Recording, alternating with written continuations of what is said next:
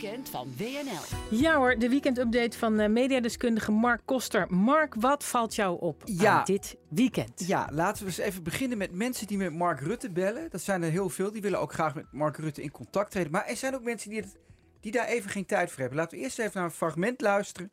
Naar iemand die geen tijd had voor Mark Rutte.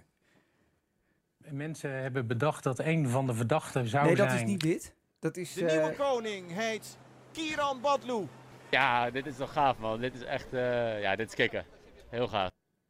Ja, dit is kikker, dit is heel gaaf. Hij praat een beetje als Mark Rutte. Dit is de, de, de, de windsurfer Kiran Batlu. Hij won vandaag goud. Fantastisch. Onze Heel vierde fijn. plak. We staan inmiddels op de negende plaats. Dus het gaat weer ietsje beter met eh, Team Oranje. En het mooie was, en ik haal dit van de website van de Telegraaf. Mark Rutte belt al die mensen. Hè, van, ah, fantastisch hè, kei Die belt op als, ze Die als ze belt hebben en die heeft dan die nummers. Dus ik ben best een beetje jaloers op het nummer eh, reservoir van Rutte. Die heeft al die topsports, dus ik vind dat leuk. Maar wat ik zo leuk vind aan deze jongen, die zei... "Oh, ik heb geen tijd, bel me later even terug. Dus Rutte, Rutte Tegen was een Rutte. ultra kort moment. en hij had ook een heel leuk argument. Hij zei, ja, maar ik heb nu de kans om uit te leggen hoe leuk windsurfen is. Dus dan moet de premier even wachten. We zijn een kleiner sport. Hij, hè, we hebben 1984 natuurlijk met Steven van den Berg ooit gewonnen. Los Angeles. Mooie, knappe jongen op de ding. Waren we ook Nederland en windsurfen. Hij zegt, we zijn een kleine sport. En dat is heel gaaf, zegt die Ruttejaans, dat we Nederland kunnen laten meegenieten van het windsurfen. En er stonden allemaal twintig journalisten om hem heen. En toen later heeft hij Rutte gebeld. Ik vind dat leuk dat de premier even moet wachten op een gouden winnaar. Dus dat vond ik een heel leuk moment op zaterdagmiddag. Ja. Dan iets Eens. veel serieuzers. Iets veel serieuzers. Eh, ja, je hebt opsporing verzocht. Maar dat moet allemaal wel een beetje via de politie gaan. Dat is volgens mij een thema. Gisteravond hadden wij een officier van justitie bij Op1 zitten. Die is een beetje boos op Geen Stijl en andere social media. Die ja, een aantal jongens eh, hebben aangegeven of hebben gezegd... dit zijn de daders van ja, de aanslag of de moord eh, in eh, Mallorca. Laten we even naar deze man luisteren wat hij daarover zei... en wat zijn grief was daarover. Mensen hebben bedacht dat een van de verdachten zou zijn een persoon met een bepaalde achternaam. Heeft iemand anders de koppeling gelegd naar die officier van justitie. En, en weer een derde die trekt de conclusie: oh, dat zal wel een kind van haar zijn. En daarom is de zaak natuurlijk naar Nederland gehaald. Het is echt te zot voor woorden. En eh, wat we daar allemaal op die site hebben gezien met aannames die mensen doen. En ehm, ja, halve acties die al ondernomen worden. eh, foto's worden gezocht, adressen worden gezocht, eh, namen worden gezocht. En mensen weten echt niet wat de zaak inhoudt. Ja, groot debat hierover gaan. Hè. In de media ook van ja, eh, een beetje de zweem van klassenjustitie. Hè. Die, die, die, die, hem, deze man zei het al, van een, een, een kind van een officier van justitie. Die zou zich daarmee hebben bemoeid. Hè. Een beetje een rijke luisachtergrond. Hè. Zeven rijke jongens. De Telegraaf heeft daar een heel verhaal over gemaakt. Ik vind het een Ja. beetje ingewikkeld, eerlijk Ja, gezegd, dit. Want ehm, ik ben hier in deze kwestie helemaal niet objectief. Ik ben hier niet objectief in. Waarom niet? Nou ja, ik had natuurlijk gele... Natuurlijk heb ik het meegekregen wat, er- wat er is voor verschrikkelijks is gebeurd in, eh, in Mallorca. En, eh, het, het, het ziet er naar doodslag, in moord met doodslag. Afschuwelijk wat die jongens daar hebben aangericht. Maar vervolgens keek ik ehm, op geen stijl. Ja. En ik zie dus gewoon hoofden van, van kinderen waarvan ik een deel wel herken.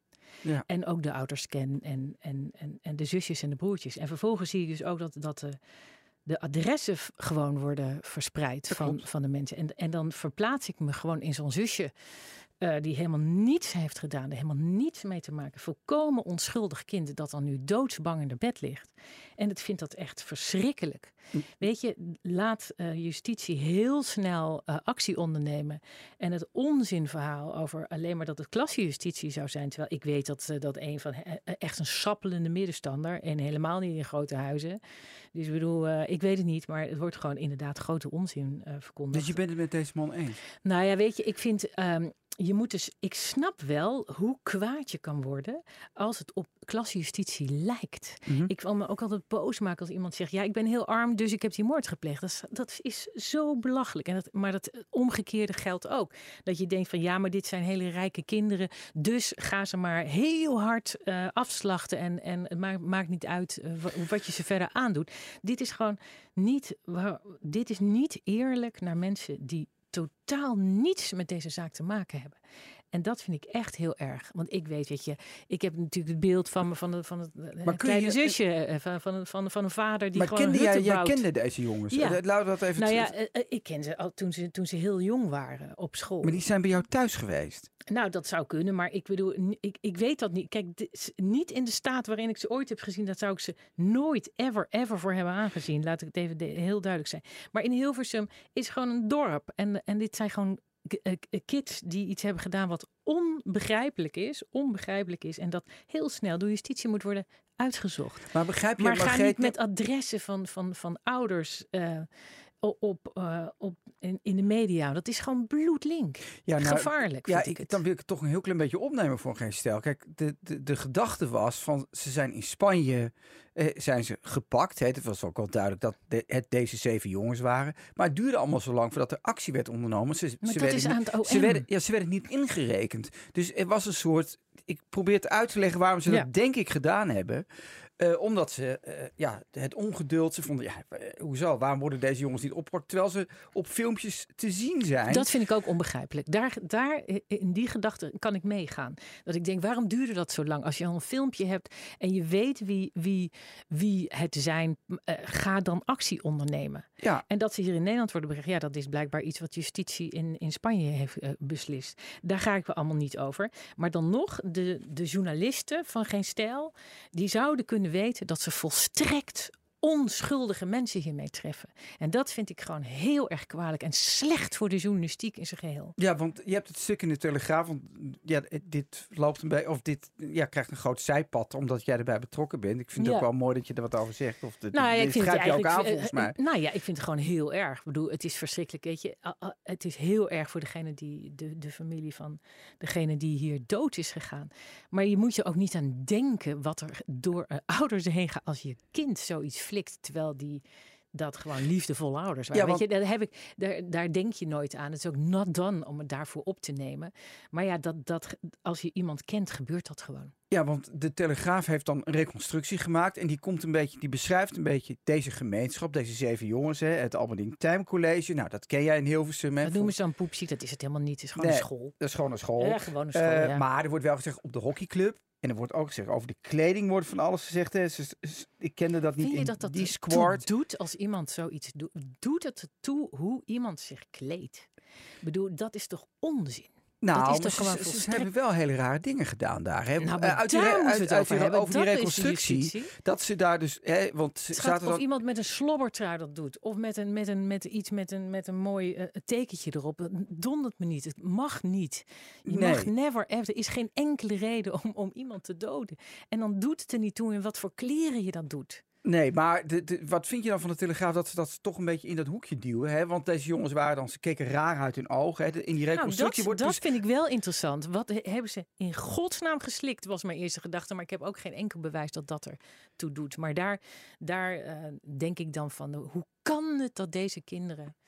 eh, Maar jij kende deze jongens. Wat, of wat voor types, die kwamen bij je dochter Schat- over de vloer misschien. Nee, zo, zo close was het ook weer niet. Gewoon kinderen op school, zoals je op schoolplein kinderen ziet. Maar is het dan drugs? Eh, dat weet, nou, dat, ik was er niet bij. Geen idee, maar als ze raar uit hun ogen keken, dan suggereert Dat het een staat in de krant. reconstructie. Als ik lees, gewoon, eh, ook al kende ik ze helemaal niet. eh, als ik lees, iemand kijkt daar raar uit de ogen, dan denk ik dat. Ik vind het zo extreem wat er gebeurd is. Dit past totaal niet bij het beeld wat ik heb van die ouders niet, van die kinderen niet. Totaal niet. Nee, maar ik wil, ik wil er nog wel twee dingen over zeggen. Het eerste is dat uit die reconstructie van de Telegraaf blijkt dat ze het niet één keer amokmakend daar door, door die stad trok. Of door, dat, hè, door, die, door die hoofdstad trok, maar twee keer. Dat ze de eerste keer ook al een groep hebben aangevallen. Omdat ze in een café geen stoel kregen. Dus hebben ze een stoel afgepakt. aanpakken, weet je wat? Tuurlijk, als zij dit hebben gedaan, natuurlijk. Maar dat, daar, daar val ik ook niet over. Natuurlijk moet justitie dit grondig aanpakken. Als zij zich zo maar je hebben dat misdragen, fouten zijn gemaakt. Dat het allemaal te lang duurde. Dat het Natuurlijk te wel, veel dat vind ik twijfelachtig. ook. En Dat begrijp je ik dan niet dat geen stijl... Nee, en dan Ondanks is... dat ze dat al, mensen voor de bus hebben gegooid, hè, zoals dat dan zo afschuwelijk heet, Ja. eh, die daar niks mee te maken hebben. Ja. Begrijp je niet dat er dan een soort, ja, dat Ik vind, het, ik vind het, het OM moet aan de bak, want die is er debet aan als het zo lang laten duren natuurlijk. Maar ik vind dat je nooit, maar dan ook nooit, mensen moet treffen die onschuldig zijn. En dat blijf ik benadrukken. En dat hebben ze wel gedaan, dat hadden ze kunnen weten. En ik vind het gevaarlijk. We gaan door. Ehm, we moeten ook even een kleine rehabilitatie van Maurice de Hond doen. Hè. Maurice de Hond heeft heel vaak ongelijk met dingen en is ook vaak totaal dogmatisch in zijn mening. Maar over één ding heeft hij gelijk gekregen en heeft ook nu het gelijk aan zijn kant. De aerosolen. Dagblad Trouw heeft een, hele spread gebouwd. Reconstructie van het eigenlijk gelijk voor Maurice de Hond. Op 14 juli is er een motie aangenomen van Geert Wilders in de Tweede Kamer. Dat ventilatie, toch wat, wat daarmee samenhangt. Die deeltjes eh, waar, waardoor de corona dan minder eh, beva- be- bevattelijk is.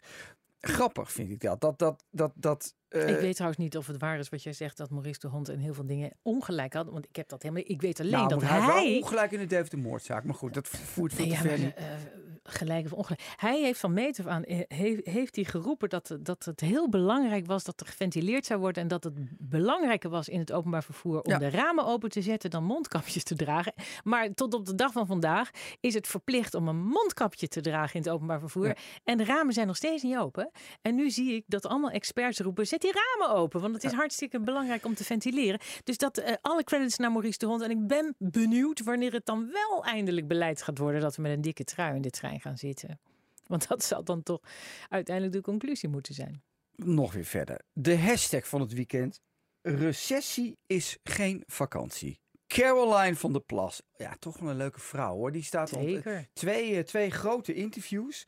ehm, in in eh, de AD en in het, volgens mij, ja, Parool. Ehm, recessie is geen vakantie. Ja, altijd toch een beetje die kritiek op die politici die dan zes weken niks doen. Zij gaat, ik heb heel veel uitnodigingen. En zij gaat langs de boerderij. ehm, gaat ze eh, langs bed en breakfasts.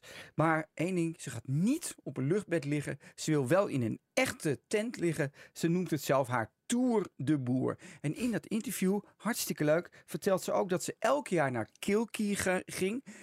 Ierland, een plaats in Ierland waar haar moeder vandaan kwam. En daar heeft ze wel hele leuke anekdotes over. Ik zal er even twee vertellen. Ik en mijn twee broers op de achterbank in de Fort Taunus. Vader reed van Deventer naar Kilkee. Mijn moeder die ons dreigde uit de auto te zetten als we niet stopten met ruzie maken. Klassieker hè, vandaag Zwarte Zaterdag. Hoeveel Ja. mensen zitten, hoeveel vaders slaan er niet naar achter en nu stil.